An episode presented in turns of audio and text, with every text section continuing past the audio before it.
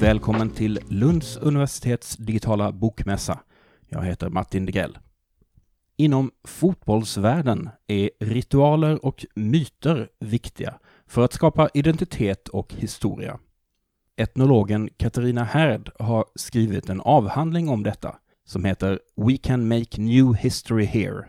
Rituals of producing history in Swedish football clubs. I detta samtal pratar hon och jag om tillhörighet och uttryck på och omkring fotbollsarenan. Och jag började med att fråga Katarina om vilken roll den spanska fotbollsspelaren Pichi Alonso hade i tillkomsten av boken. Alltså, när, eh, när det kom eh, annons att eh, det är möjligt att söka eh, doktorandtjänst inom den nationella forskarskolan historia så, så sen jag pratade lite med folk och de var, ja, det, jag såg, men det måste vara någon historisk inriktning.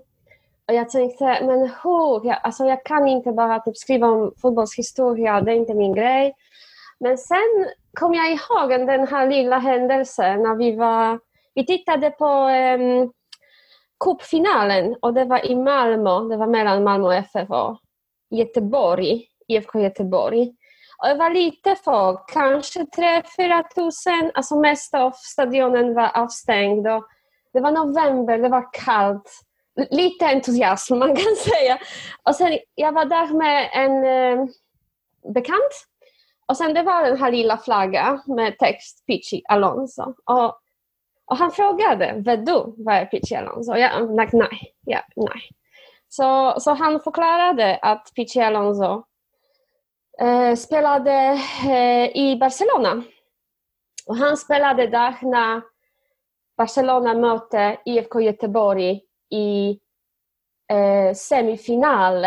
Jo, och det var Europa League då, om jag kommer ihåg korrekt. Och de förlorade första matchen i Sverige. Det var 3-0 och man säger att det var typ med 40 000 som tittade. Men sen Pichi gjorde hattrick i Barcelona på revanschmatch. Och sen det, det kom till eh, straff och IFK Göteborg gick inte till finalen. Så den här liten text var att ja, håna helt enkelt IFK Göteborg. Alltså den här killen, den här killen gjorde att ni gick inte i finalen.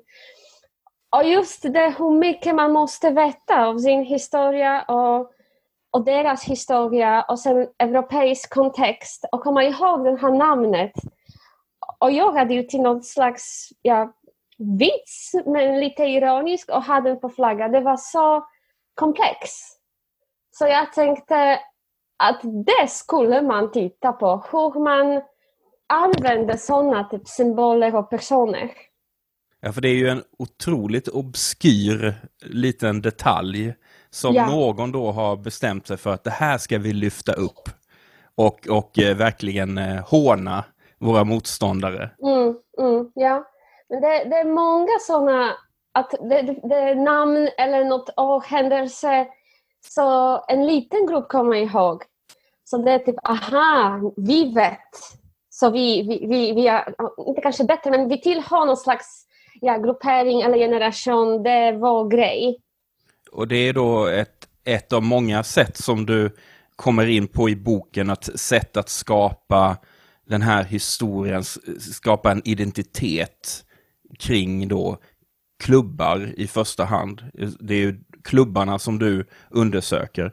Du ställer ju bland annat frågor om vilken är historiens roll i klubbarna och hur producerar olika grupper som är knutna till klubbarna historia.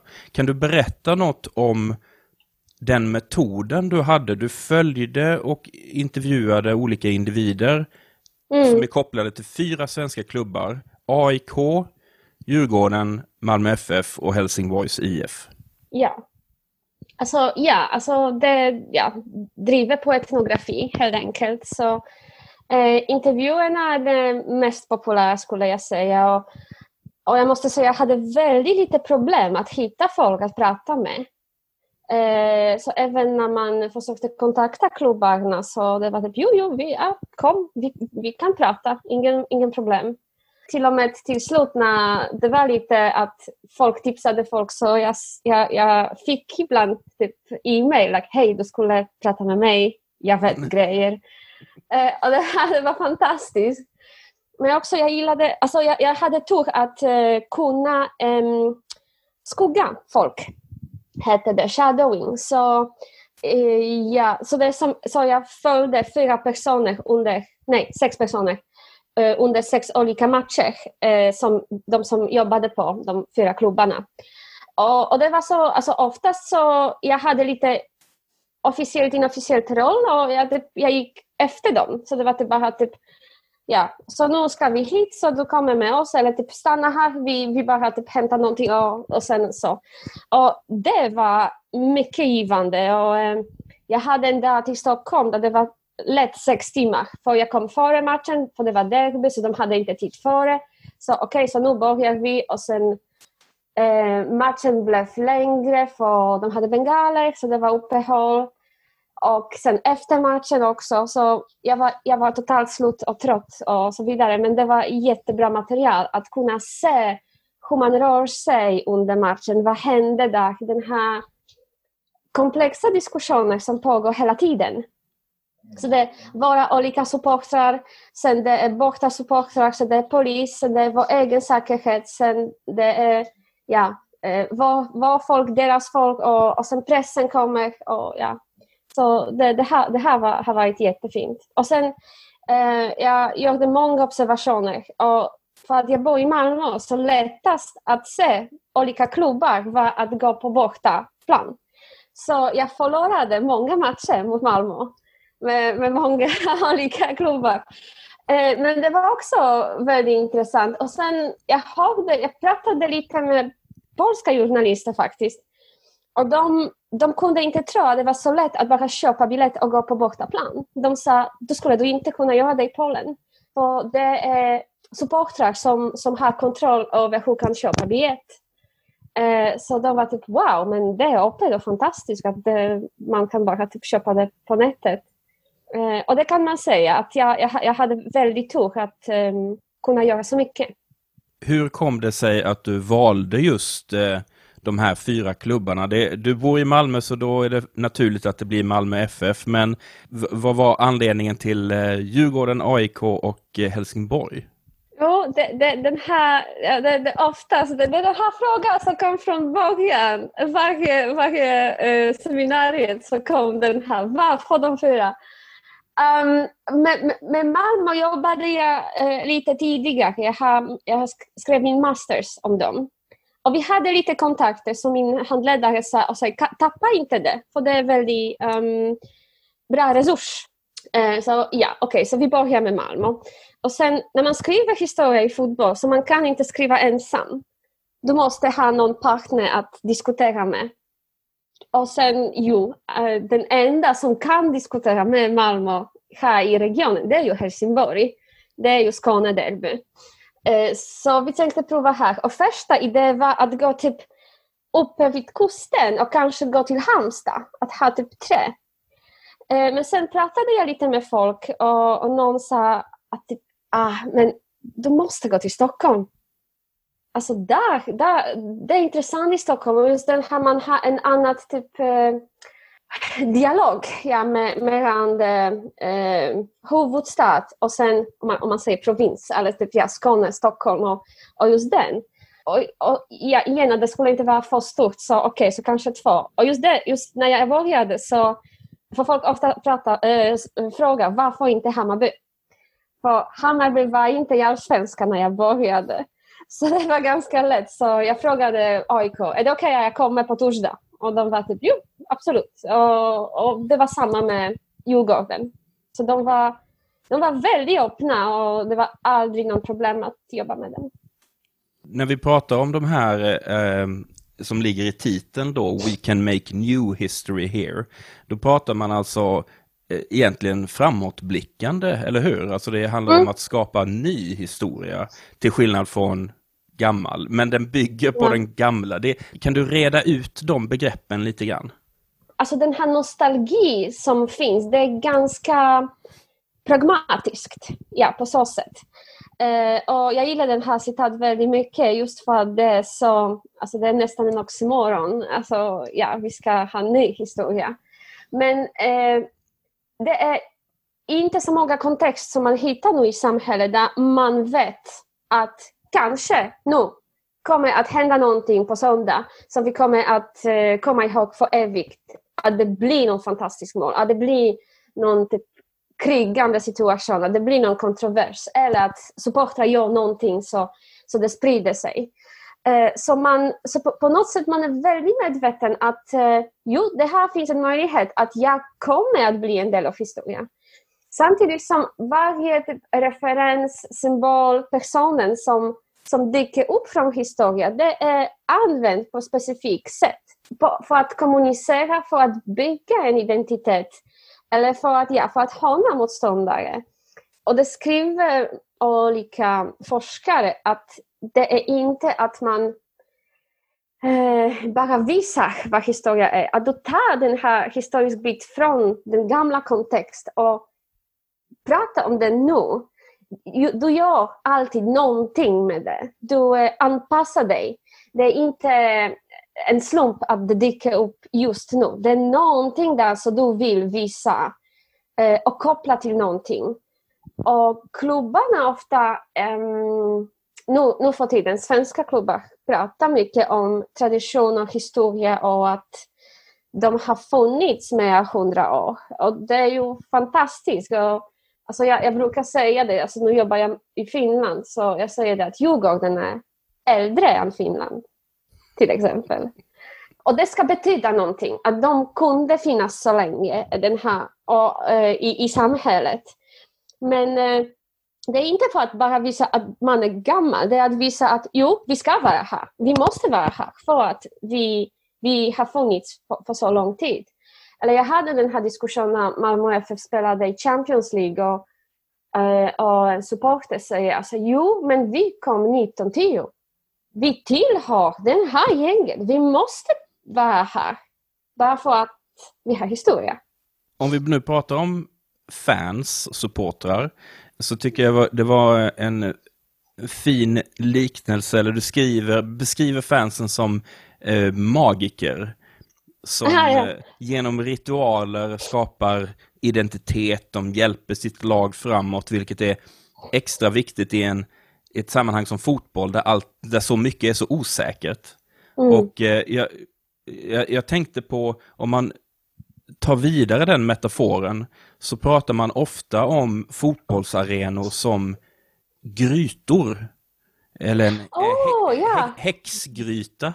Och då, yeah. då såg jag framför mig hur fansen rör om i grytan, liksom som en ritual sådär att man skapar den här stämningen kring arenan kring dramat. Ja, ja. Du skriver också att i fansens historieproduktion är allt tillåtet. Och där tycker jag är intressant med skillnaden mellan hur klubbarna officiellt, alltså mm. eh, skapar sin historia genom, du skriver eh, etablera museer eller eh, souvenirbutiker och så vidare, medan då fansen de står ju lite grann utanför det där. De kan göra lite mm. vad som helst. De kan gå ut på stan och klistra upp klistermärken och, mm. och, och, så vidare. Och de, de håller på med saker som ibland hamnar i någon sorts gråzon eh, mm. för vad som är lagligt och inte och sådär.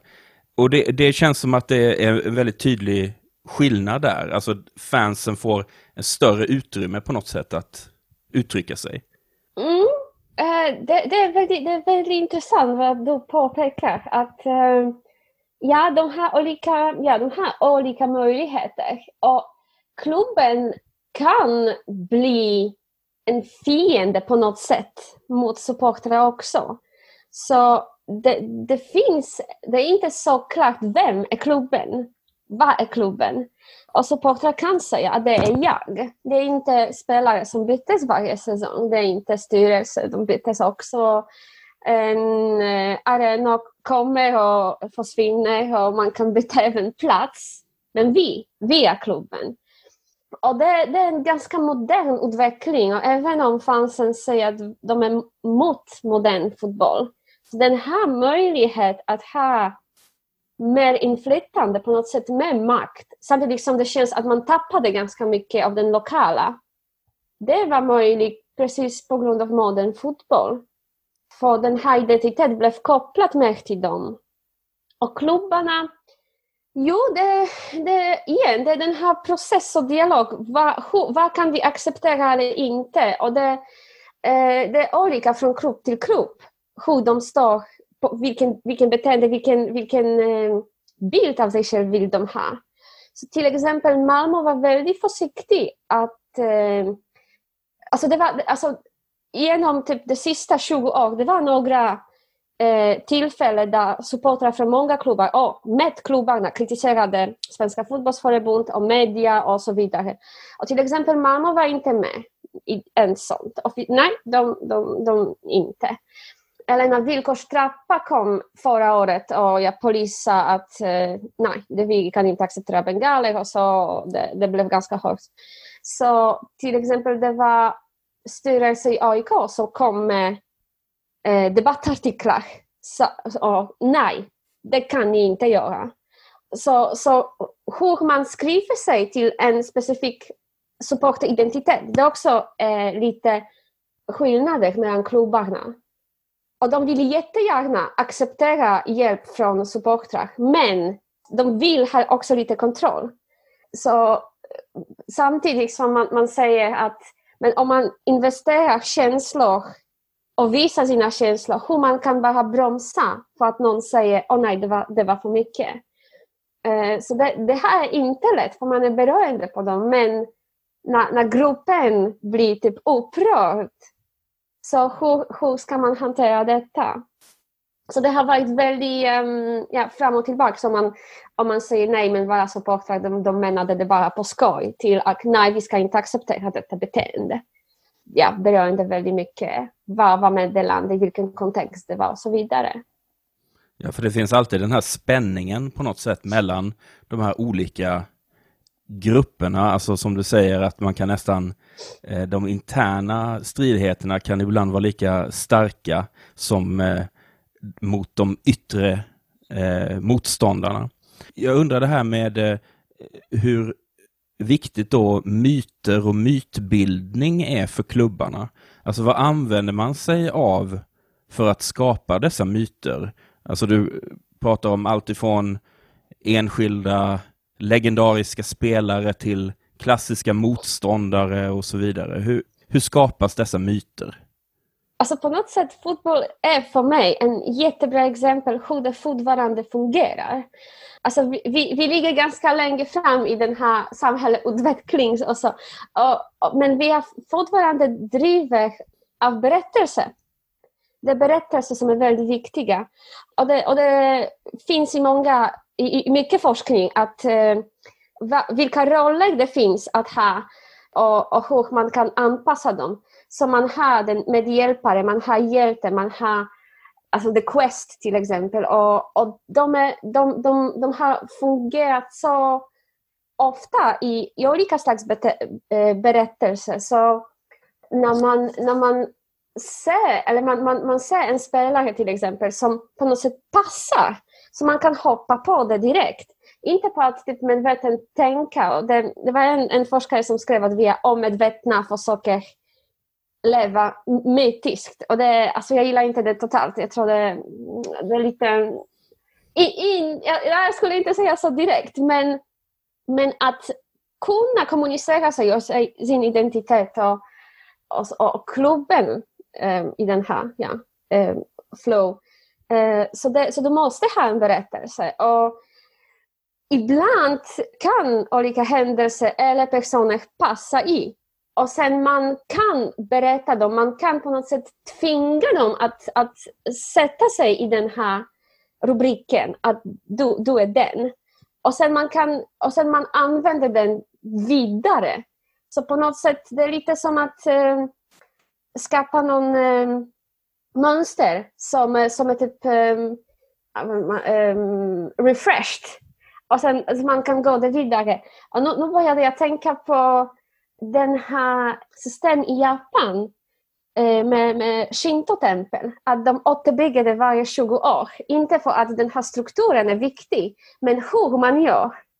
Och här det är lite samma, som tog det så mycket folk och så många matcher så, så man, man kan typ göra det om och om igen ja, och kunna kommunicera eh, på olika sätt. Och de senaste åren det kom olika innovativa eh, väg att kommunicera som klistermärke eller som tifo till exempel. Som, som har blivit en fantastisk folkart. Och eh, det är inte bara min uppfattning. Jag pratade med eh, personer från eh, eh det var Stockholm museet. Och de, de ville typ spara någon, någon tifo. Men det var typ, ah, men vi har inte plats och det är så stort. Och just den här, men, ah, men det är bara fotboll. Men, men med, med internet, med olika ja, Twitter och Instagram och så, så de, de blir starkare för det är lättare också att visa hur vi gör och vad vi gör. Avslutningsvis så måste jag ju fråga, vi har ju ett mycket ovanligt år. Vi som är fotbollssupportrar på olika sätt är tvungna att se de här matcherna nu utan publik och eh, tomma läktare och så vidare. Vad händer med den här historieproduktionen, alla myter, alla narrativ, nu när fotbollen måste spelas utan publik? Oh, alltså det är totalt tråkigt och jag hade faktiskt en mardröm att man kommer, alltså på riktigt, aldrig mer kommer man kunna vara på ståplats och sjunga. Och jag tänkte nej, alltså jag, jag vaknade i skräck. Eh, men eh, jo, det har blivit både intressant och konstigt. Alltså, för det första så jag tror att det visar ganska tydligt hur mycket av en lek det är. Alltså, vi kan inte leka, så vi, okej, okay, vi leker inte. Eh, samtidigt som man saknar, så det är inte någonting att behöver vi på riktigt.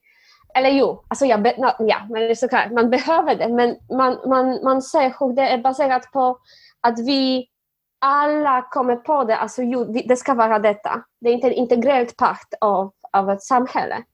Och sen, ja, men de eh, ja, berättelser och Eh, så Eh, supportrar har hittat, som tur många olika mm, typer av eh, beteende för att upprätthålla den här förbindelsen med klubbarna och visa att vi har varandra klubbar.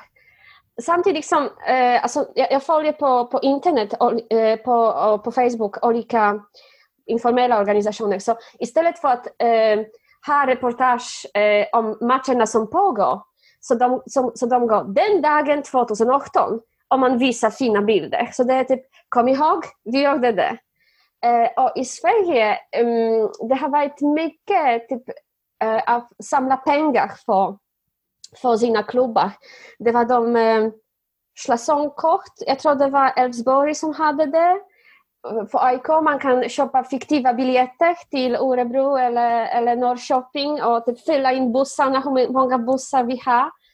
Ja, sådana såna aktioner kom ganska mycket. Det är också i, eh, i Hammarby, typ hej, kan vi samla så mycket? Nu kör vi! Och det är väldigt intressant att se att man, man, man försöker bidra i alla fall. Samtidigt som de också eh, försökte visa sig i hela eh, coronapandemin. Eh, och det, var, eh, det kom eh, rapporter från olika platser i Europa. Eh, också i Stockholm det var eh, AIK hade en svartgodlåda, matlåda, så, så de levererade till, eh, till eh, sjukvårdspersonalen. Och I andra länder till exempel det var att okay, supportrar kommer att hjälpa flytta en del av sjukhuset eller någonting sånt. Och det skulle de kunna göra bara som kompisar. Men de menar, men vi tillhör klubben och det, det gör vi. Och så, det visar samtidigt hur bra organiserat och hur tätt det är att, att vara. Kanske det mest intressanta exempel som jag hittade, jag har en bild på det, för jag, alltså jag, jag samlar på klistermärken. Och jag hade jättemycket tur. Jag, jag var i Rom i februari, i början av februari, så jag tror det var typ den sista veckan som man, man kunde typ resa. Och, ja, och sen det, det blev vad det blev. Och där kunde man se klistermärken i färger av eh, Roma, klubben. Och det, och det, det var texten Coroma. Det var så, in, ja, coronavirus. Och det var så intressant och det var, så, alltså, det var fortfarande skoj. Och så man måste komma ihåg, det, just då, det var typ, alltså viruset var där borta i Asien om man kunde skratta. Och sen vad hände i Italien? Jag tror inte det var så mycket skoj längre. Men, men just det att och det visar någonting, att de var så snabba att ta den referens och använda den direkt. Och det var roligt. Alltså man kollade, okej, okay, det var bra. Boken heter alltså We can make new history here. Rituals of producing history in Swedish football clubs. Katarina, stort tack för att du var med hos oss idag. Tack så jättemycket.